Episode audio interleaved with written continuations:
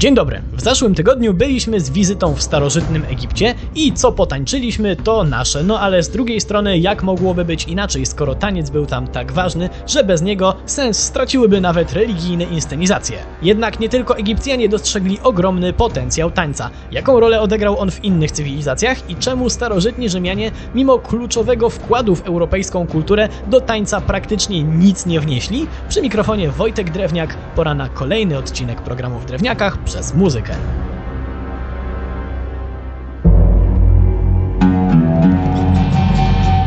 Przenieśmy się o wiele lat wstecz i o całkiem sporo kilometrów do Mezopotamii. Darujmy sobie może historię jednoczenia się tamtejszych ludów w miasta państwa, ale warto wiedzieć, że tańce religijne odbywały się tam już 3000 lat przed naszą erą i miały się doskonale przez długie, długie wieki. Ze szczególnym upodobaniem chwałę tańcem oddawano bogini Isztar i bogowi Mardukowi, najważniejszemu tamtejszemu bogowi. Niestety wiele niuansów z tamtego okresu stanowi dla nas w dalszym ciągu tajemnicę, natomiast trochę łatwiej jest powiedzieć więcej o tym, czemu i jak tańczono w Królestwie Izraela za panowania Dawida, znanego oczywiście z Biblii.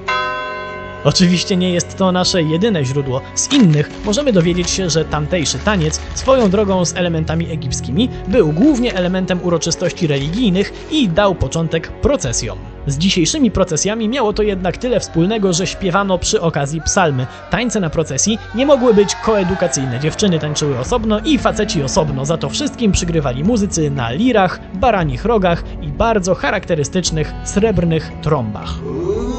Przenieśmy się jednak do Grecji, gdzie taniec miał szczególne miejsce. Do tego stopnia, że sporo uwagi poświęcali mu wybitni filozofowie znani dobrze i dzisiaj. Platon na przykład uważał, że taniec musi być wychowawczy, poważny i spokojny. Taniec wesoły to jakaś pomyłka i strata czasu. Z kolei Sokrates uważał, że każdy taniec jest spoko, jeśli komuś sprawia radość. Tutaj mocno opowiadam się po stronie tego drugiego, ale może to tylko dlatego, że nie umiem poważnie tańczyć, a w zasadzie to wcale nie umiem.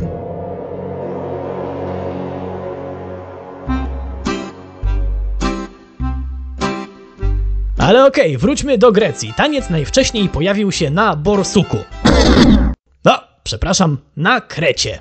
Był to taniec naturalnie obrzędowy, związany z kultem przodków i cyklem wegetacyjnym. W sumie nie jest to żadne przełomowe odkrycie, bo tak się zaczynały wszystkie tańce świata. Rola tańca zaczęła się zwiększać około roku tysięcznego przed naszą erą, bo to właśnie wtedy zaczęły kształtować się greckie wierzenia. Dawniej proste podrygiwania zaczęły być wyrazem czci dla Zeusa, Apolla, władcy mus, w tym muzy tańca i oczywiście dla Dionizosa, boga wina i imprez wszelakich. Z czasem na czoło greckich polis wysunęła się jednak Sparta. Jak niektórzy pewnie wiedzą, było to miejsce wyjątkowe. Wszystko było tam podporządkowane sztuce wojennej. No ale chyba nie taniec. No właśnie, taniec też. W starożytnej Sparcie nie oszczędzano się w tańcu, ponieważ uważano go za świetny trening wytrzymałościowy. Wojownicy i adepci tańcem właśnie podtrzymywali kondycję. Jaki był taki układ taneczny? Pewności nie mamy, ale prawie na bank były to połączone ruchy wykorzystywane podczas walki. Taniec towarzyszył również wojownikom w drodze na bitwę, podkręcając ich dodatkowo. A kiedy akurat nie było żadnej wojny i treningu, to tańczono gymnopedia, czyli tańce urozmaicające imprezy sportowe. Żeby było jeszcze dziwniej, to obowiązkowo tańczono je na golasa. Bardziej ludzkie czasy dla tańca przyszły dopiero, kiedy dominującą rolę przejęły Ateny. Stał się nie tylko bardziej zróżnicowany, ale stanowił podstawę klasycznego greckiego teatru. Ze szkolnych lektur pamiętamy, że dużą rolę w tych dziełach odgrywał chór, ale mniej już mówi się o tym, że podczas przedstawień chór również tańczył.